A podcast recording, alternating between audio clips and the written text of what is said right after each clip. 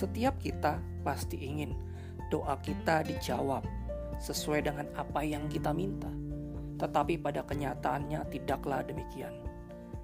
Bahkan tidak jarang banyak yang kecewa karena doanya tidak dijawab Tuhan, bahkan meninggalkan Tuhan.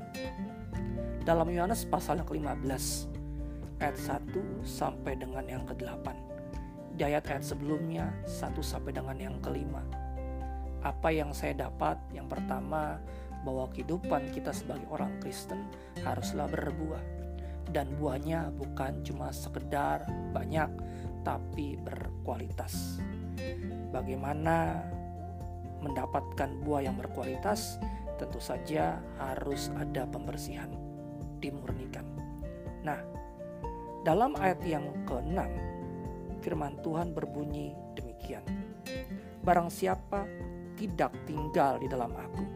Ia dibuang keluar seperti ranting dan menjadi kering, kemudian dikumpulkan orang dan dicampakkan ke dalam api, lalu dibakar.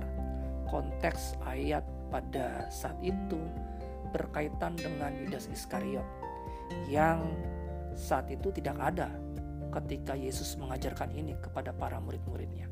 Hanya ada hanya ada 11 murid. Ketika Yudas Iskariot tidak ada bersama dengan Yesus, menjual Yesus, otomatis ia diumpamakan seperti ranting yang telah keluar, dibuang keluar, dan telah menjadi kering dan dikumpulkan dan akan dibakar. Ini menarik. Kehidupan kita sebagai orang Kristen, ketika kita sudah tidak melekat kepada Kristus, meskipun kita beragama Kristen, tapi hidup kita tidak melekat kepada Kristus. Kita tidak menghasilkan buah. Lama-kelamaan menjadi ranting yang akan dipotong dan kalau terus tidak menempel akan menjadi kering karena sudah terpotong, kering, tidak berbuah, tidak ada gunanya sampai akhir kehidupan kita kalau kita tidak berbalik maka kita akan masuk dapur api. Wah, keras ya keras memang. Nah, di ayat yang ketujuh adalah ayat yang sering saya baca, bahkan saya pakai untuk seperti saya sedang menagih janji kepada Tuhan. Bunyinya demikian. Jikalau kamu tinggal di dalam aku dan firmanku tinggal dalam kamu, mintalah apa saja yang kamu kendaki dan kamu akan menerimanya. Siapa yang gak mau doanya dijawab Tuhan? Minta apa saja, bukan satu, apa saja yang saya kendaki, dan saya akan terima. Kalau dilihat di atasnya dikatakan firman tinggal di dalam aku. Saya tinggal di dalam Tuhan. Dua ayat, dua apa, dua kalimat ini kalau saya lakukan, saya akan mendapat apa yang saya kehendaki. Tetapi ketika saya gali lebih dalam, saya mendapatkan hal yang berbeda. Mengapa saya katakan demikian? Ranting yang menempel pada pokok anggur, otomatis apa yang pokok anggur makan, ranting akan makan. Bisa dikatakan mereka jadi satu dengan pokok anggur. Kalau sudah jadi satu, otomatis sama satu suara, satu kehendak, satu keinginan, satu kebutuhan. Jadi ketika saya membacanya, yang saya dapatkan adalah ketika para murid diberitahu atau diajarkan oleh Yesus, otomatis apa yang menjadi kehendak Allah ada dalam kehidupan para murid. Ini bukan orang lain, ini bukan orang sembarangan. Mereka diajarkan yang diajarkan oleh Yesus, oleh Kristus, bukan orang yang baru bertobat enggak. Bukan orang kebanyakan ini para murid. Jadi ketika berbicara minta apa saja. Tuhan Yesus tahu dengan jelas bahwa dia sedang berhadapan dengan orang-orang yang sudah dewasa secara rohani. Orang-orang yang sudah menjadi murid yang kompeten. Dan Yesus tahu bahwa para murid akan melakukan kehendak Allah. Mengapa?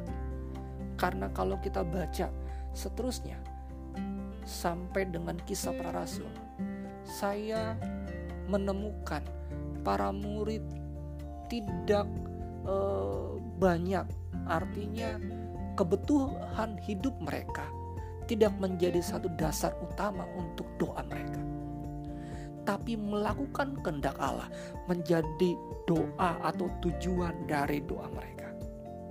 Ya, ketika saya baca ini, saya bertobat. Kenapa saya bertobat? Sering saya egois. Egois saya meminta memakai ayat ini untuk berdoa untuk kebutuhan saya. Apakah salah? Enggak. Apakah itu membuat Tuhan murka? Enggak. Tetapi ketika saya baca teliti lebih dalam, saya enggak melakukan kehendak Tuhan. Siapa saya? Murid mungkin belum maksimal jadi murid. Lalu saya mencoba memakai ayat ini menagih janji Tuhan. Padahal kalau saya jadi murid, saya punya hati sama dengan hati Bapa. Saya punya kehendak sama dengan kehendak Kristus. Dalam ayat yang ke-8, dalam hal inilah Bapakku dipermuliakan. Nah, sering kali juga saya kaitkan kalau doa saya dijawab Tuhan, Bapa dipermuliakan. Padahal saya melupakan kalimat setelahnya yaitu jika kamu berbuah banyak dan dengan demikian kamu adalah muridku. Sekali lagi, Yohanes pasal 15 ayat 1 sampai dengan ke-8 ditutup dengan dua kata, berbuah dan murid. Doa kita dijawab oleh Tuhan, bukan berdasarkan apa yang kita mau, kebutuhan kita. Pada ayat yang ketujuh, jelas ketika kita sesuai dengan kehendak Tuhan, apa yang kita doakan pasti sesuai dengan hati Tuhan. Hati Tuhan tidak jauh. Hati Tuhan berbicara soal hidupmu berbuah dan menjadi berkat bagi banyak orang.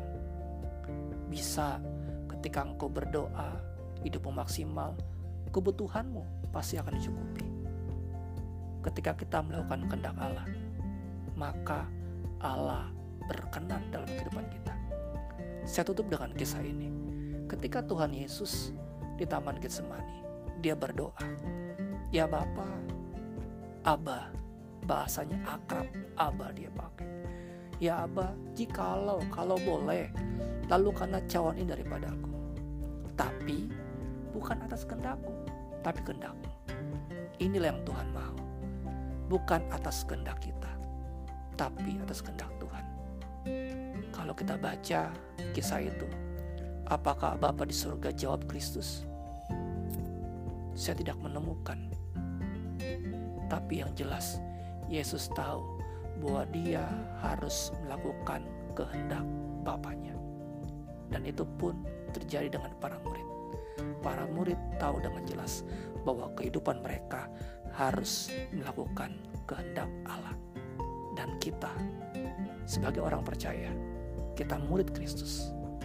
Doa kita harus melakukan kehendak Bapa di surga.